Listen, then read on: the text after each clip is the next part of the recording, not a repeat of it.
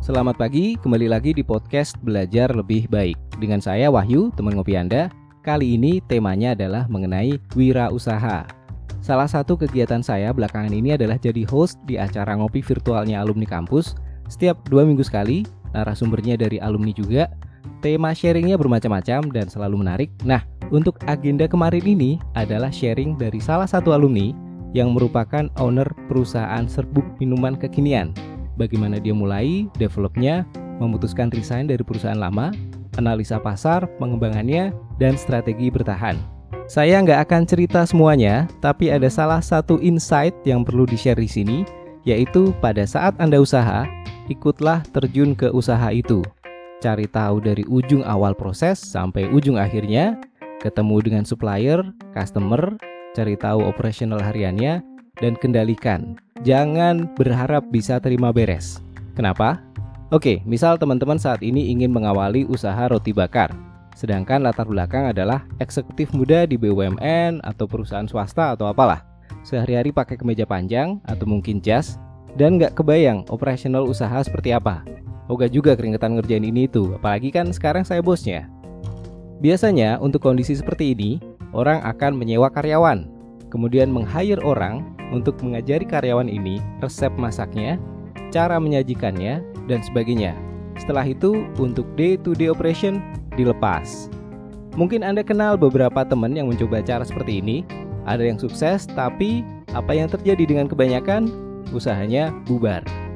Usaha apa pun itu tidak sesimpel yang ada di atas kertas.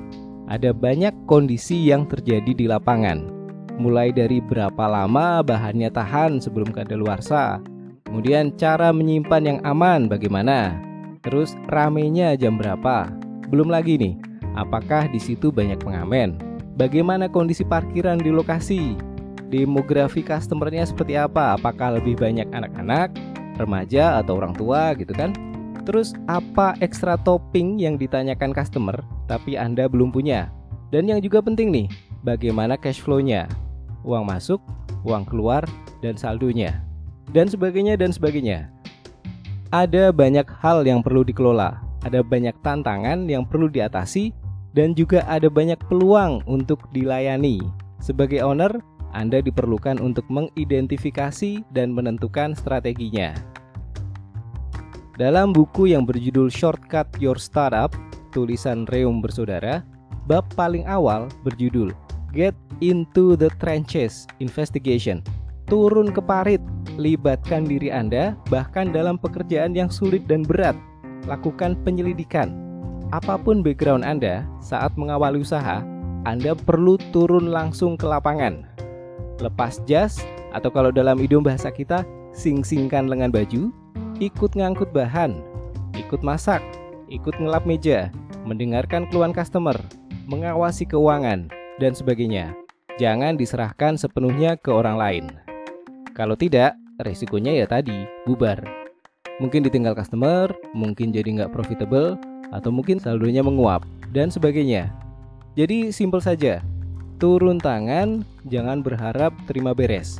Pelajari ujung awal sampai ujung akhir, cari tahu seluk-beluknya, perkaya perbendaharaan pengalaman, dan kendalikan usaha Anda. Itu saja untuk kali ini. Stay safe, tetap semangat, jangan lupa bahagia. Sampai ketemu di episode berikutnya. Bye.